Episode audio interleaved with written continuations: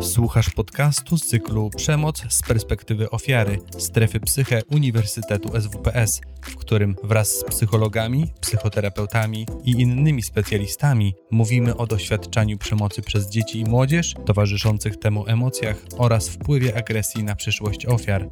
Więcej merytorycznej wiedzy psychologicznej znajdziesz na psycheswps.pl oraz w kanałach naszego projektu na YouTube i Spotify. Dzień dobry Państwu. Nazywam się Patrycja Stawiarska, jestem wykładowcą na uniwersytecie no od wielu, wielu lat, ale mam też doświadczenia pracy z dziećmi dotkniętymi przemocą i bardzo się cieszę, że mogę brać udział tutaj w tej konferencji. Temat jest mi bardzo bliski i chciałabym dzisiaj pokazać to z takich chyba połączonych dwóch perspektyw. To znaczy z jednej strony to, co wiemy, to, co mówi nam literatura, to, co powiedziały nam badania, to, jak przebiegają procesy radzenia sobie, zmagania się z tym traumatycznym doświadczeniem, jakim jest przemoc. A z drugiej strony chciałabym Państwu pokazać też perspektywę moich doświadczeń, doświadczeń e, w pracy z dziećmi, e, z takich rodzin rzeczywiście głęboko patologicznych i, i dotkniętych tą przemocą, bardzo różną, e, wielowymiarowo. I chciałabym, żebyśmy dzisiaj spróbowali popatrzeć z perspektywy dziecka, czyli tego, co dzieje się w jego głowie, tego, co dzieje się w jego emocjach, tego, co dzieje się w jego zachowaniu.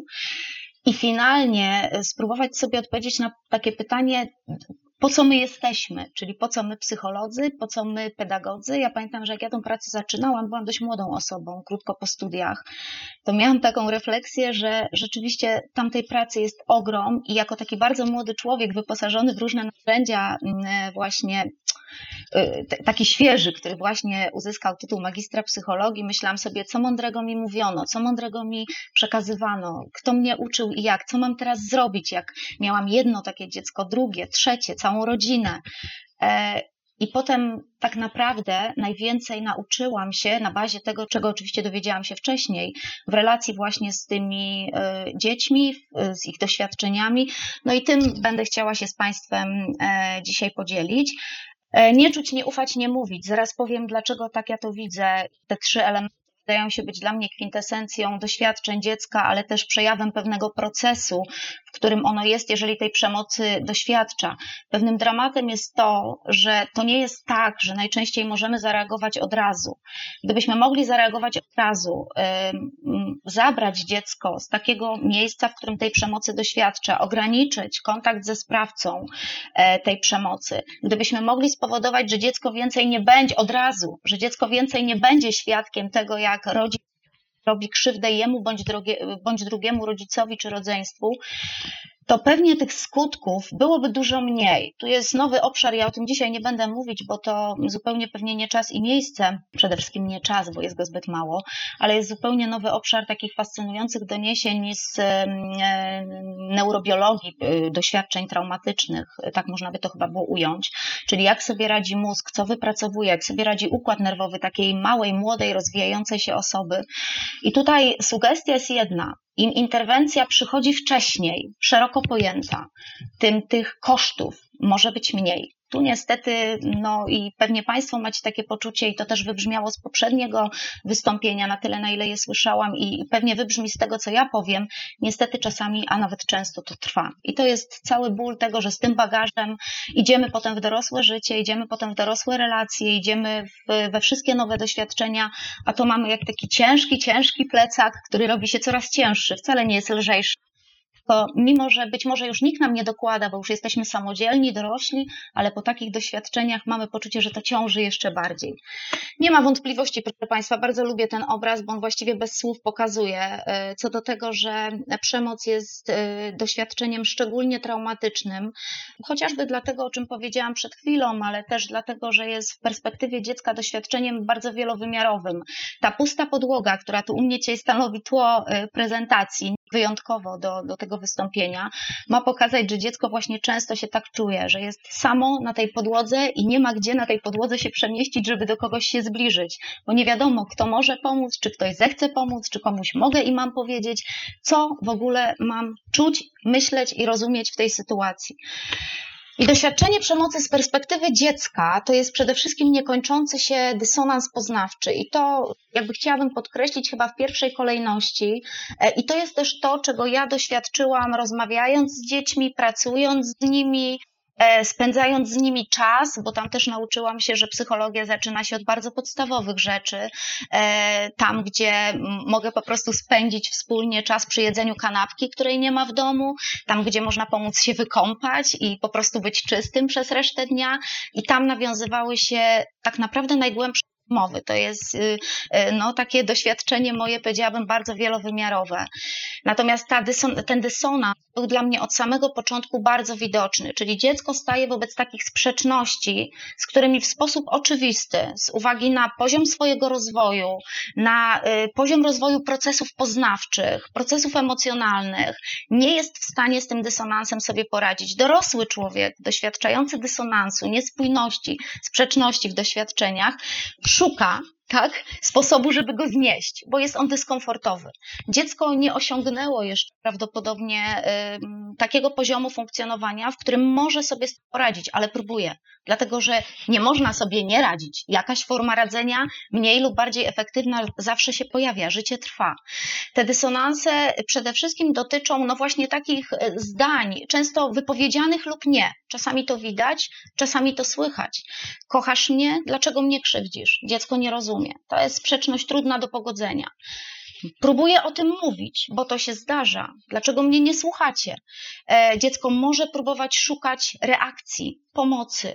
E, tutaj przede wszystkim ja miałam takie poczucie, że no i też jakby literatura przedmiotu nam o tym mówi, e, że pojawia się taki problem na przykład rodzica przyzwalającego, tak, w cudzysłowie przyzwalającego, bo tu całe spektrum doświadczeń w takim domu właściwie powinno spowodować zadawanie pytania, czy rodzic drugi, który jest na przykład świadkiem takiej przemocy wobec dziecka, mógł zareagować, powinien zareagować.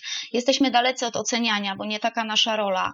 E, w domu obciążonym przemocą y, dochodzi do różnych relacji pomiędzy sprawcą a ofiarą. Jest wiele lęku, wiele strachu, wiele bezradności, więc czasami po prostu ktoś nie potrafi zareagować, ale w doświadczeniu dziecka to jest kolejny dysonans. Próbuję ci pokazać, ale ty nic nie mówisz, tak? Jest mi źle, ale nikt tego nie widzi. Proszę pamiętać, że dziecko, czy pamiętajmy o tym, że dziecko bardzo często komunikuje w sposób pośredni. E, dużo rzadziej dzieje się to bezpośrednio, czyli przychodzi i mówi wprost. Ono komunikuje swoim stanem psychicznym, ono komunikuje na poziomie zabawy, jeżeli jest to dziecko młodsze, ono komunikuje na poziomie zmienności zachowań, wycofania z relacji, zmiany otoczenia. Tak, to są te komunikaty, które są bardzo wieloznaczne, więc czasami nie muszą wiązać się akurat z tym doświadczeniem, ale ono w swojej perspektywie komunikuje, natomiast nie ma reakcji. I to jest kolejny bardzo trudny dysonans do y, poradzenia sobie. Jesteś mi bliski, jesteś dla mnie ważny, lub widzę cię w taki sposób, bo to nie musi być y, pokrewieństwo biologiczne. Wystarczy, że dziecko spostrzega osobę jako członka rodziny spostrzega. To jest bardzo ważne, jeszcze do tego za chwileczkę wrócę, w samej e, definicji przemocy. Więc dlaczego mi tak robisz? Dziecko próbuje jakoś to sobie wytłumaczyć, co z tego tłumaczenia wynika, i zaraz spróbuję to na kolejnym slajdzie jeszcze pokazać. Mówisz, żebym o tym nie mówił. Co się dzieje? Dlaczego mam nie mówić? Czy to coś złego, czy to moja wina? Dziecko czuje się coraz bardziej zagubione. Tyle to trwa, jestem zmęczony. Nie, nie wiem, jak mam sobie poradzić, próbuje sobie poradzić. Te próby poradzenia sobie bardzo często mogą być albo są interpretowane jako różnego rodzaju zaburzenia w obszarze funkcjonowania dziecka. Proszę zauważyć, że my widzimy pewien skutek, tak? Skutek tego, co się dzieje. Dziecko przestaje się uczyć, dziecko przestaje um, nawiązywać relacje, dziecko staje się agresywne, Dziecko się nie komunikuje, dziecko unika, to są skutki. Jak y, y, wielowymiarowa może być polietiologia ich przyczyn, to nie musi być tylko przemoc, ale to mogą być takie doświadczenia. W rzeczywistości to wszystko jest dużo bardziej skomplikowane, bo w odpowiedzi na te dysonanse coś się pojawia. Przecież ktoś, kto mnie kocha, chyba nie może robić mi krzywdy, więc może to moja wina. Może to ja spowodowałem. Ja tu nie wchodzę na razie w różne rodzaje przemocy. Ja spróbuję się za chwilkę do tego mm, odnieść. Próbuję pokazać taki przepływ procesów, który nam się uruchamia wtedy, kiedy dziecko, kiedy mały człowiek ma poczucie, że dzieje się mu coś, co czuje, że nie jest ok dla niego, nie jest dobre, nie potrafi wytłumaczyć dlaczego jeszcze, bo być może to nie ten moment, nie ten czas, nie ten poziom myślenia, ale czuje, że to nie jest tak, jak powinno być. Ty, on jest mądry, jest duży, czy jest sens, żebym mówił? Przecież nikt mi nie uwierzy. To dramatyczne poczucie małej wiarygodności w doświadczeniu przemocy też jest taką sytuacją bardzo mocno obciążającą dziecko. Tak? Im bardziej rodzic rośnie w oczach dziecka, tym bardziej dziecko maleje i ma takie poczucie, że jest zdecydowanie mniej wiarygodne. Ono sobie tego tak nie nazwie, nie powie sobie, ja jestem mniej wiarygodny tylko powie, chyba nie będę mówił, albo pomyśli, nie mówię, bo nie ma o czym mówić. Czy inni też tak robią? Czy inni też tak mają w domu? Czy tylko mnie to dotyczy? Wstydzę się tego. Nie chcę. Ten skutek w postaci e, tych przyjaźni, tych relacji, tego unikania, on właśnie tutaj się pojawi. To jest efekt zmagania się z tymi dysonansami, niespójnościami i też taką, takim, taką wzmożoną czujnością, która jest bardzo e, taka dotkliwa, jeżeli mm, rozmawia się, pracuje, czujemy ją bardzo mocno, jeżeli rozmawiamy, pracujemy z takim dzieckiem. Ja pamiętam takie sytuacje, kiedy dzieci, będąc z nami w takim właśnie ośrodku, tak to nazwijmy, pobytu dziennego, tak, dla dzieci z bardzo trudnych, takich właśnie bardzo obciążonych także doświadczeniem przemocy rodzin, spędzały ten czas popołudniowy e, w czymś w charakterze takiej świetlicy socjoterapeutycznej, tak można by to było określić. Pamiętam, jak zbliżał się piątek i w piątek dzieci się zmieniały. Od poniedziałku było trochę lepiej. W piątek się zmieniały. Nagle robiły się bardziej czujne, nagle robiły się bardziej niespokojne, nagle robiły się bardziej zdenerwowane. Dlaczego? Bo wiedziały, że w sobotę i w niedzielę będzie trzeba zostać w domu. Nie było wiadomo, co w tym domu się wydarzy. Czy będę mógł spokojnie wejść, wrócić, a może nie. Czy będą krzyczeć, a może nie. Czy będzie alkohol? On często przecież jest sprężony z doświadczeniem przemocy, a może nie. I ta zmiana była bardzo widoczna.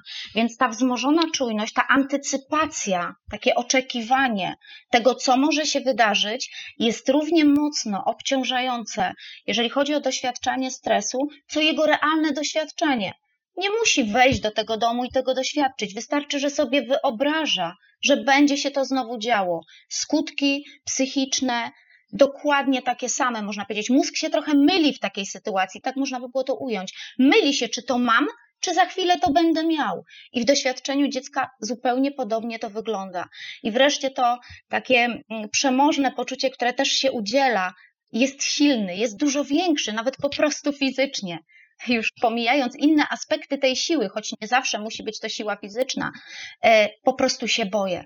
I ten e, lęk, który jest uogólniony, dotyczący tej nieprzewidywalności, tego braku stałości, tej niepewności, do czego wrócę, plus ten strach przed konkretnym, nazwijmy to obiektem przywiązania, bo jest to rodzic, opiekun, osoba bliska, osoba ważna, powoduje, że organizm w żaden sposób nie odpoczywa, nie regeneruje się, nie relaksuje się. Nawet jeżeli stwarzaliśmy okoliczności do tego, żeby uzyskać trochę tego spokoju, to było takie oderwanie chwilowe. Natomiast ze zbliżaniem się tego piątku, pamiętam, ten piątek był dla mnie taki zawsze, jak szłam tam w piątek, to sobie myślałam, że znowu to będę widziała. Ta czujność robiła się e, coraz bardziej wyrazista, coraz więcej było tego niepokoju, coraz więcej było tego oczekiwania, co będzie się działo. Więc proszę zobaczyć, co się dzieje. Tu widzimy to się dzieje w obszarze myślenia o samym sobie, nazwijmy to fachowo samooceny. Tu widzimy, co się dzieje w obszarze relacji. Ja nie wiem, czy mam do kogoś z tym iść, a tak naprawdę to się wstydzę, więc ja nie chcę, żeby nikt to oglądał, a do tego wszystkiego jeszcze się boję.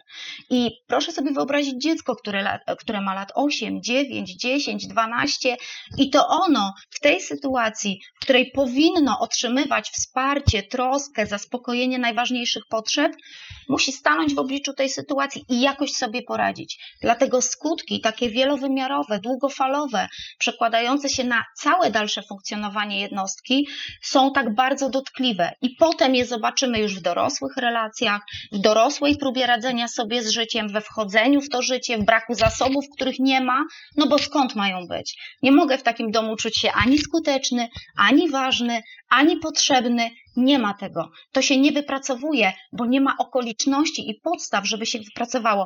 Tak naprawdę cały układ nerwowy dziecka, mózg dziecka, więc sposób jego myślenia, jego emocje rozwijają się przede wszystkim w kontekście relacji społecznych, a te najważniejsze relacje to są relacje z najbliższymi osobami.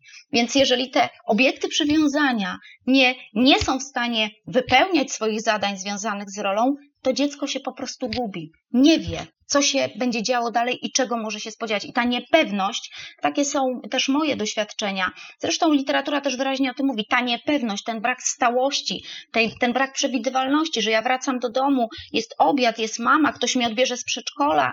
E, ja pamiętam taką sytuację, kiedy dziecko nie, nie było odbierane po prostu przez rodzica i tkwiło i czekało, aż ktoś po nie przyjdzie, aż pani sygnalizowała, bo rodzic zapomniał o tym, że ma odebrać dziecko.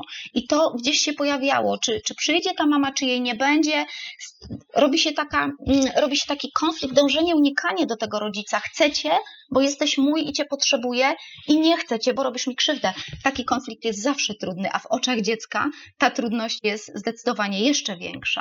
To, co bym chciała tutaj tym wyrazić, tym i tym zdaniem Kępińskiego, które jest takie proste, ale bardzo dobrze nam oddaje to, co się dzieje w przeżyciach i doświadczeniach dziecka i tym potworkiem na ścianie, który odbija się z ręki, to tak właśnie dzieje się w domach doświadczonych przemocą. To, co jest zwykłe, to, co jest normalne, choć pojęcie normy w psychologii jest skomplikowane i to pewnie Państwo świetnie wiecie i nie tak proste do określenia, to w oczach takich dzieci urasta właśnie o, do czegoś takiego. Ten tata czy mama, który powinien być przyjazny, uśmiechnięty i mój, i można się do niego przytulić, straszy.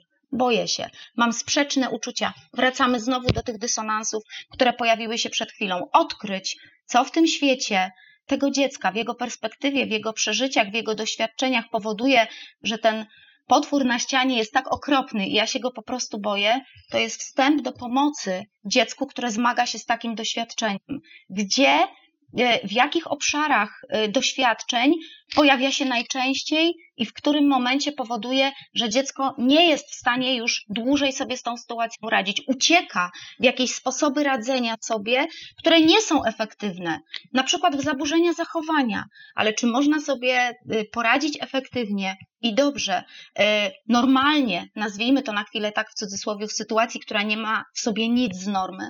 Wydaje się to mało możliwe, zwłaszcza jeżeli mówimy o dziecku. Co się tak naprawdę dzieje i w kontekście tych doświadczeń dziecka, z czym my przede wszystkim powinniśmy się jako psychologowie, e, jako pedagodzy zmierzyć? Po pierwsze, e, często przemoc e, rozumiemy jako pewne działania, wręcz rażące działania, tak? czyli takie, które, które podejmuje osoba dorosła, osoba bliska, jeżeli mówimy o przemocy domowej wobec dziecka. Ale pamiętajmy też o tym, ja na to zawsze bardzo mocno zwracam uwagę, że to są też rażące zaniedbania. Jeżeli dziecko jest zaniedbane, jeżeli dziecko nie ma zaspokojonych podstawowych potrzeb, nie ma do kogo pójść, żeby zwrócić się o pomoc w tym zaspokojeniu, to też nam wchodzi w kategorię i w definicję przemocy. Ta przemoc w związku z tym może być bardzo wielowymiarowa. Jeżeli nikt się mną nie interesuje, a ja mam 6 czy 7 lat, to dokładnie w tej definicji moglibyśmy się odnaleźć. Nikt nie dba o to, żebym był nakarmiony, nikt nie dba o to, żebym był czysty. To nie jest zaspokojenie moich potrzeb. To są zaniedbania wobec osoby, która nie jest w stanie sama tych potrzeb zaspokoić, a z definicji roli rodzica wynika, że powinien takie potrzeby zaspokajać. I to, na co zwróciłam uwagę wcześniej, e, przemoc domowa, obojętnie o jakim rodzaju tej przemocy nie chcielibyśmy tutaj mówić, to nie tylko są osoby, które są fizycznie rodzicami, opiekunami, to są też osoby, które są przez dziecko spostrzegane w takich kategoriach. Czyli dziecko spostrzega taką osobę jako członka rodziny. To, to kwestia tutaj nie leży w pokrewieństwie biologicznym. To jest mój wujek, to jest moja ciocia, ja go tak widzę, on tu przychodzi, on z nami jest. I w definiowaniu przemocy też ma to ogromne znaczenie, zwłaszcza jak wchodzimy już w obszar przemocy seksualnej wobec dziecka. Osoby spostrzegane, to jak ja je widzę, to są członkowie mojej rodziny. Oni fizycznie nie muszą nimi być, ale tak są traktowani. I to jest pierwsza bardzo istotna sprawa. I dziecko y, w takiej mm, sytuacji potrzebuje się odnaleźć, tak? Y, że to jest kolejna osoba bliska. tak ją postrzega, niezależnie od tego, jak jest faktycznie. Zawsze będzie się mierzyło dziecko z nierównowagą sił. E, zresztą cechą każdego doświadczenia przemocowego jest nierównowaga sił. Sprawca jest zawsze silniejszy w oczach dziecka, ma e, więcej mocy, jeżeli chodzi o zachowania, jest silniejszy fizycznie, może uderzyć, może się zamachnąć. Dziecko się po prostu najzwyczajniej w świecie boi. Więc ten najpierw lęk rozlany, który i tak cały czas jest, plus strach, który już dotyczy konkretnego obiektu, choć tutaj mamy pewną ciągłość gradientu. I jak mówimy o niepokoju, lęku, strachu i chcielibyśmy postawić jakieś takie sztywne granice, to wydaje się, że nie do końca można, bo to jest chyba jedno kontinuum. I mm, nawet jeżeli boję się rodzica, bo to ten rodzic zrobi mi krzywdę, to tak naprawdę funkcjonuje w takim uogólnionym lęku. I potem ta czujność taka lękowa trochę jest też prezentowana wobec innych osób, bo nie wiem, czy tym osobom można ufać, czy też nie można. Nie wiem, jak się zachowają, bo takie są moje doświadczenia. No i to, co jest najbardziej przejmujące, przynajmniej tak, takie były też moje refleksje, to y, cierpienie i bezradność, jakiej dziecko doświadcza. Czyli to, że mm, to poczucie, że do tego domu gdzieś tam wracam, że w tym domu muszę zaistnieć, muszę być, muszę mieszkać, jednocześnie chcę tam mieszkać. To było dla mnie takie, powiedziałabym, bardzo. Mm, takie odkrycie, właśnie jak pracowałam z, z, dzieciakami, że tam tych sprzeczności było bardzo dużo. To, to był ich dom, i one jednocześnie chciały tam być, miały tam swoje rodzeństwo, to były najczęściej dzieci z rodzin y, wielodzietnych, było tam kilkoro tego rodzeństwa. Byli ci rodzice i jednocześnie, jednocześnie strach przed tym, co może się tam wydarzyć, co wydaje się jeszcze bardziej wzmagać to cierpienie i tą bezradność w działaniu. Powstrzymywanie się czasami, jeżeli mówimy o dzieciach trochę starszych, o mówieniu o pewnych rzeczach na przykład, albo mówieniu o, o tym doświadczeniu w taki sposób, żeby rodzica nie obciążać jakoś szczególnie. To wszystko się dzieje w małej głowie dziecka, która nie ma jeszcze tak wypracowanych procesów poznawczych, które pozwolą na abstrahowanie, symbolizowanie. To, to jeszcze nie ten moment to jest ten moment, w którym dziecko mierzy się z konkretnymi, bardzo często doświadczeniami.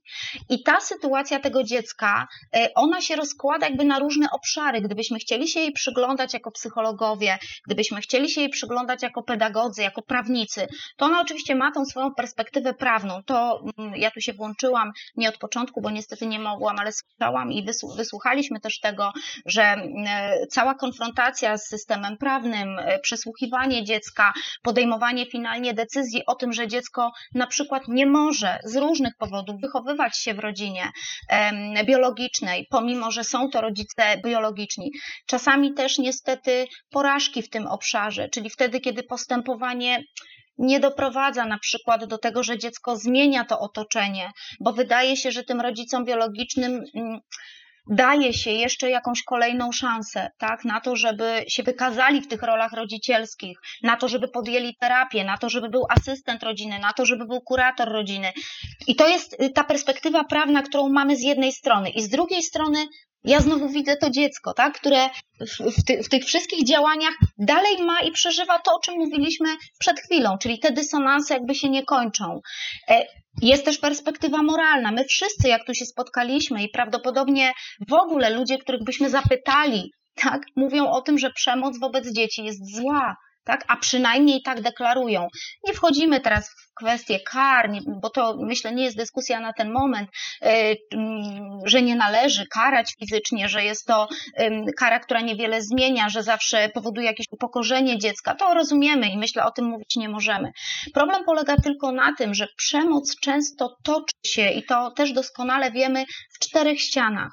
W tej perspektywie domowej obarczona jest licznymi takimi mitami. Ja to sobie tutaj też zaznaczyłam, bo chciałabym, żeby to też tutaj wybrzmiało.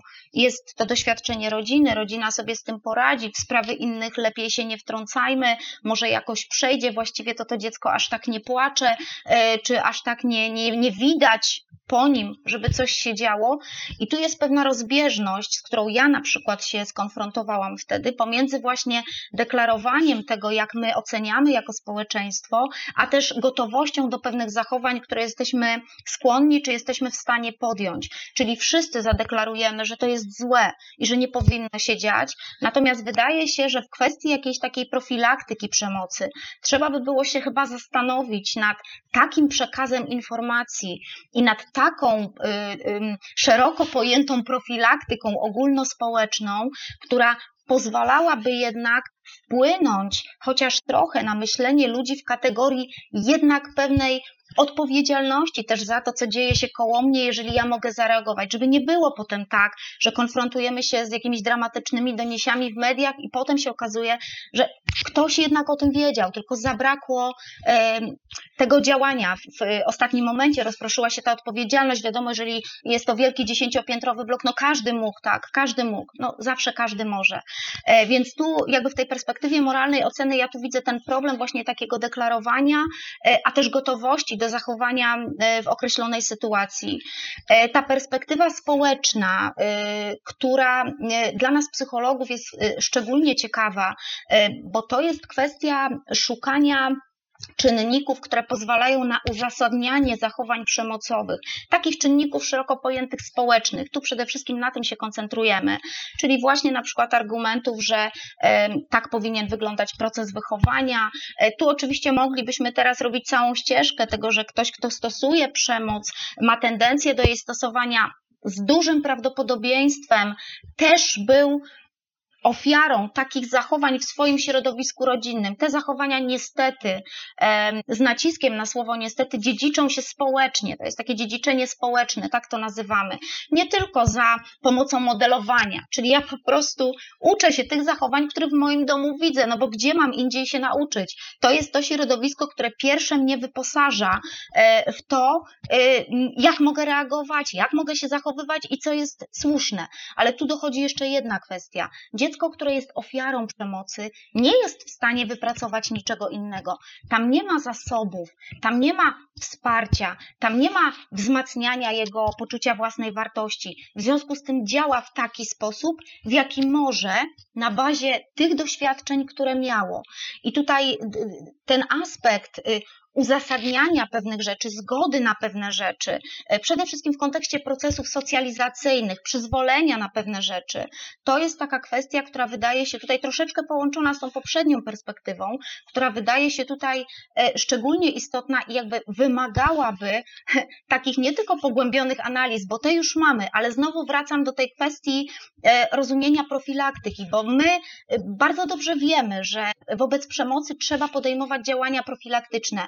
Problem tylko polega na tym, że na przykład dane statystyczne, najświeższe, czyli takie z 2019-2020 roku ostatnie, którym ja się przyglądałam, e, pozyskane ze statystyk policyjnych, pokazują, że jest to zjawisko, które właściwie statystycznie spada, zmniejsza się, czyli jakby coraz mniej osób go doświadcza.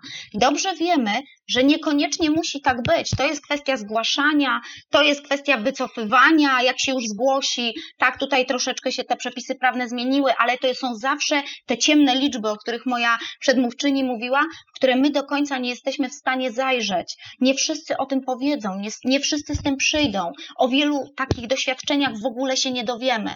W związku z tym nie możemy powiedzieć, że jest tego coraz mniej. Musimy, tak sobie myślę, bo sama profilaktyka też jest mi bardzo bliska w różnych aspektach y, przygotowywania, opracowywania programów profilaktycznych w różnych kontekstach i dla osób dorosłych, i dla dzieci, jakby skoncentrować się na tym, jak y, podejść do tego, żeby w takim rozumieniu społecznym ta świadomość mogła się tutaj jednak zwiększać, naszej pewnej wspólnej odpowiedzialności za to, co się dzieje. No i ta perspektywa, o której tutaj mówimy, dla nas psychologów pewnie najważniejsza albo szczególnie ważna, czyli psychologiczna, czyli jaka jest perspektywa sprawcy, bo pamiętajmy o tym, że tu też mamy perspektywę, tu też mamy doświadczenia, tu też mamy pewien skutek tego, co działo się prawdopodobnie wcześniej. Jaka jest perspektywa ofiary? I co się dzieje w relacji pomiędzy sprawcą a ofiarą? Czy rzeczywiście jest tak, że w pewnych okolicznościach dużo łatwiej tej relacji się uruchomić ze względu na przykład na zmienne indywidualne bądź warunki środowiskowe? Jak tu możemy analizować tą sytuację, żeby zastanowić się nad tym, co może uzasadnić takie zachowanie, któremu na przykład się nie przeciwstawiamy, bo to, że ofiara się nie przeciwstawia, to rozumiemy. To, że dziecko nie powie nie bij mnie, bo nie wolno ci mnie bić, to też rozumiemy, bo znamy mechanizmy przemocy i rozumiemy, że tak to działa. Natomiast wydaje się, że połączenie tych perspektyw mogłoby pomóc jednak um, dzieciom udzielić trochę, trochę bardziej tej pomocy w tych doświadczeniach, z którymi rzeczywiście one się zmagają. E, tu wchodzi nam jeszcze jedna kwestia. To błędne koło doświadczeń systemowych, doświadczeń rodzinnych, jeżeli mówimy o przemocy domowej, jest, wynika czy też opiera się w głównej mierze na e, doświadczaniu lojalności i mm, transmitowaniu się tak zwanych mitów rodzinnych. Czyli proszę pamiętać o tym, że trudno, czy pamiętajmy o tym, że trudno przeciwstawiać się, walczyć, obciążać obciążać kogoś, kto jest mi bliski, jest członkiem mojej rodziny. Pewna lojalność niepisana.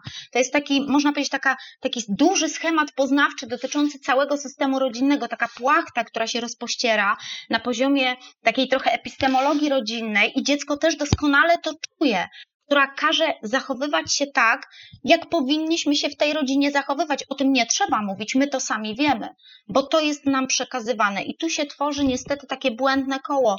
Jedno napędza drugie. Nie mam możliwości wyjść, stanąć obok, i popatrzeć na to z boku, będąc dzieckiem, i powiedzieć, tu dzieje się źle, bo u moich kolegów jest inaczej, bo ja jako dziecko w tym systemie błędnego koła też jestem. E, przerwanie tego błędnego koła, pokazanie bardzo często jest pierwszym krokiem do tego, żeby w ogóle mogło się coś zmienić. Tylko zawsze trzeba pamiętać o tym, że e, to poczucie bycia w rodzinie i tego, że jest to moja rodzina, jest tutaj sprawą nadrzędną, jest ważne. Nie możemy powiedzieć, to są twoi rodzice, oni są źli. Nie w ten sposób chcemy mówić, my nie oceniamy, nie etykietujemy, my chcemy pomóc dziecku, ale ono mierzy się właśnie z czymś takim, bo widzi, że gdzie indziej może być inaczej. Widzi to i czuje tą niespójność, niepewność, dlaczego tak. Tylko na pytanie dlaczego, niestety tej odpowiedzi e, najczęściej nie zna.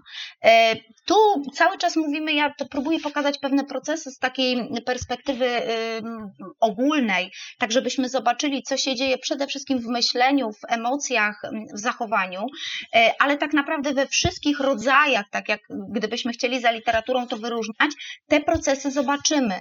Czasami nie da się rozdzielić, a nawet często nie da się rozdzielić przemocy fizycznej od przemocy psychicznej, bo czy można wymierzać dziecku e, bardzo dotkliwe kary, czy znęcać się nad nim fizycznie i czy dzieje się to bez komponentu przemocy psychicznej? No oczywiście, że nie. Czy w przemocy seksualnej można to rozdzielić? Oczywiście, że nie.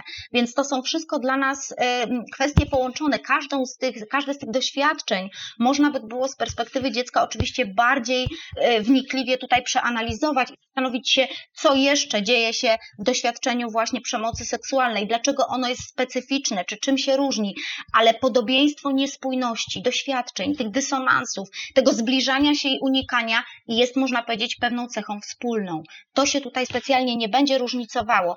Dlatego niezależnie od tego, w który z tych obszarów wejdziemy i gdzie to dziecko nam się pojawi, to podobne przeżycia e, będziemy widzieli. Potem już jest tylko kwestia tego doświadczenia bardzo indywidualnego, bo oczywiście dla każdego dziecka, dla każdego młodego człowieka, przecież mówimy też o młodzieży, te doświadczenia będą się indywidualizowały, ale pewne procesy, można powiedzieć, są wspólne i na bazie tych wspólnych procesów przyglądamy się po prostu temu, co w tym doświadczeniu się pojawia.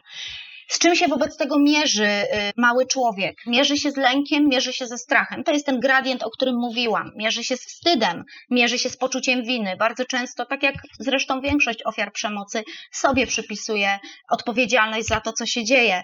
E, czasami zdarza się tak, że otoczenie społeczne wzmaga to poczucie i w jakiś sposób jeszcze bardziej przyczynia się do wiktymizacji ofiary, co było już powiedziane wcześniej, e, właśnie poprzez nieadekwatne reakcje, czy, czy mm, jakieś takie niedowierzanie, czy kwestionowanie, więc to poczucie tej dotkliwości, tego doświadczenia jest jeszcze większe. Jest przejmująca bezradność z poczuciem, że niczego nie mogę zrobić, poczucie osamotnienia, małej wiarygodności, o której już mówiłam, izolowanie się siłą faktu, bo nie zaproszę do domu kogoś, mojego kolegi, bo nie chcę, żeby był tego świadkiem Więc siłą faktu, poza tym, że sprawca bardzo często dąży do wyizolowania jednak, bo jest to dla niego ta opcja bezpieczniejsza ofiary, to też ofiara z różnych powodów unika, zaczyna tych relacji społecznych unikać, więc tracimy dodatkowy zasób, bardzo ważny, jakim jest wsparcie społeczne. Po prostu go nie mamy. Rozpaczliwa wręcz potrzeba bezpieczeństwa, e, która tak naprawdę się nie zaspokaja. Ona się chwilami taką też mam refleksję po tej, w związku z tą moją pracą, ona się chwilami próbuje zaspokoić w bardzo różnych sytuacjach. Właśnie kiedy spędzamy inaczej czas, kiedy coś robimy, kiedy są inne osoby, kiedy jest inne miejsce bezpieczne, ale jest cały czas ta czujność czekania, czyli wiem, że wrócę, wiem, że będzie, wiem, że to będzie znowu tak, jak było. Tu y, czasami jestem w stanie na chwilę się oderwać, ale nigdy nie w pełni. E, I wreszcie próby radzenia sobie jakkolwiek. I tak jak na to starałam się zwrócić uwagę wcześniej, radzenie sobie czasami wydaje się dla, dla świata zewnętrznego y, zachowaniem niestosownym, nieprzystosowanym, złym, agresją. To jest próba odnalezienia się w sytuacji, która w żaden sposób nie jest normatywna. Trudno y, znaleźć się w sytuacji, zachować normę zachowania, jeżeli sytuacja tej normy nie spełnia. To jest po prostu próba adaptacji do sytuacji, która wykracza poza możliwości adaptacyjne. Te koszty psychiczne są zarówno krótkoterminowe, te wszystkie, o których mówimy, ale także długoterminowe, przekładające się na całe dalsze funkcjonowanie jednostki. Nie mówiąc już o doświadczeniu stresu y, urazowego, czy zespole stresu pourazowego, psychosomatyce szerokiej, która może się tutaj pojawić, to są wszystko doświadczenia, które tak naprawdę się zapisują. Jeszcze raz wracam do tego, e, co mm, e, powiedziałam wcześniej, że to, co nam teraz wnosi w ostatnim czasie, e, chociażby wnoszą nam te dane z obszaru neurobiologicznego, które mówią, układ nerwowy będzie w stanie sobie lepiej poradzić, ale musi od razu dostać reakcję. Jeżeli trwa to, to dzieją się takie skutki, konsekwencje na poziomie biologicznym, jak na przykład e, zmniejszenie pojemności różnych struktur, które warunkują przepływ procesów poznawczych czy emocjonalnych, na przykład hipokampa czy układu limbicznego. No więc taki mały człowiek potem, będąc już większym człowiekiem, nie jest w stanie i nie może ani dobrze się uczyć, ani adekwatnie oceniać sytuacji, bo struktury nerwowe po prostu na to nie pozwalają. Im wcześniejsza byłaby ta interwencja, tym koszty, także na poziomie biologicznym, wydaje by się, byłyby mniejsze. Ale oczywiście dramat polega na tym, co też już tu zostało zasygnalizowane, że najczęściej trwa to z tych różnych powodów, o których tutaj cały czas mówimy, powodu mechanizmów, które po prostu będą e, i to podtrzymują. E, co się dzieje z dzieckiem? Z czasem przestaje ufać, to jest efekt przede wszystkim zniekształceń poznawczych. Nie mogę nikomu zaufać, nikt mi nie pomoże, jestem sam. Z czasem przestaje czuć, e, wpadamy w obszar zaburzeń emocjonalnych, z czasem przestaje mówić. E, unikając tych sam, tym samym interakcji e, społecznych. W związku z tym perspektywa jego w stosunku dziecka do świata zewnętrznego robi się taka, nie wiem, czy mogę do ciebie podejść i ci powiedzieć, bo nie wiem, jak zareagujesz. Nie wiem, czy mogę czuć to, co czuję, bo nie wiem, czy to jest dobre. Może powinienem czuć co innego. E, nie wiem, czy mogę z tobą o tym rozmawiać, więc na wszelki wypadek będę cię unikał. Z czasem sposobem poradzenia sobie w sytuacji, w której nie można funkcjonować inaczej, staje się to, co widzimy na poziomie zachowania, czyli różnego rodzaju próby znalezienia, takie, taką ja miałam refleksję, chwili oddechu w sytuacji, która jest tak bardzo przytłaczająca, że nie sposób poradzić sobie na tym wczesnym etapie życia bez wsparcia po prostu samemu.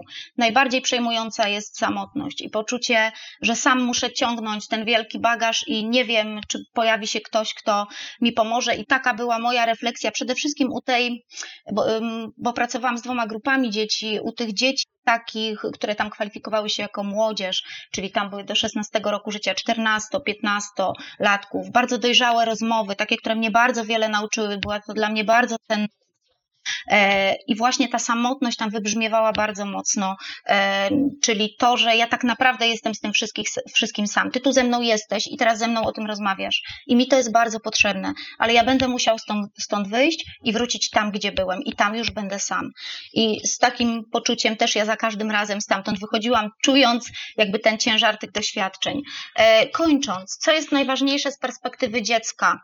Wysłuchaj mnie, po prostu posłuchaj tego, co mówię. Nie przerywaj, tylko słuchaj. Nie dopytuj, tylko słuchaj. Będę mówił tyle, ile będę mógł na tą chwilę. Uwierz mi w to, co mówię. Nie kwestionuj tego, co mówię. Wierzę ci to jedno z najważniejszych słów, na przykład y, w kontekście doświadczenia przemocy seksualnej. Muszę usłyszeć, że to nie moja wina. Potrzebuję tego bardzo mocno. Powiedz mi, że to nie moja wina, że to nie ja zawiniłem, bo tak myślę. Pomóż mi, jeżeli możesz, jakkolwiek. Bądź ze mną, przynajmniej wtedy, kiedy możesz. To też bardzo mocno odczuwałam. Mm, pomimo świadomości dzieci, że muszą gdzieś tam wrócić, że ten rodzic bardzo mocno się nie zmienił, być może mm, w ostatnim czasie doświadczenia się powtórzą, czy mogą powtórzyć, to to bądź e, ze mną które na chwilę pozwalało zmienić perspektywę, było bardzo cenne, ale też nie pozwól, żeby działo się to dalej. Jesteśmy odpowiedzialni, takie mam poczucie, stąd mówiłam o tej perspektywie moralnej, połączonej jednocześnie ze społeczną w rozumieniu zjawiska przemocy. Nie pytaj mnie dlaczego, bo na większość z tych pytań po prostu nie znam odpowiedzi. Nie wiem, co mam powiedzieć. E, I pozwól mi na uczucia, których doświadczam, bo są różne i trudne, e, także wobec osób najbliższych, które e, zachowują się wobec mnie w taki, a nie inny sposób, ale nie mam temu, tego komu powiedzieć.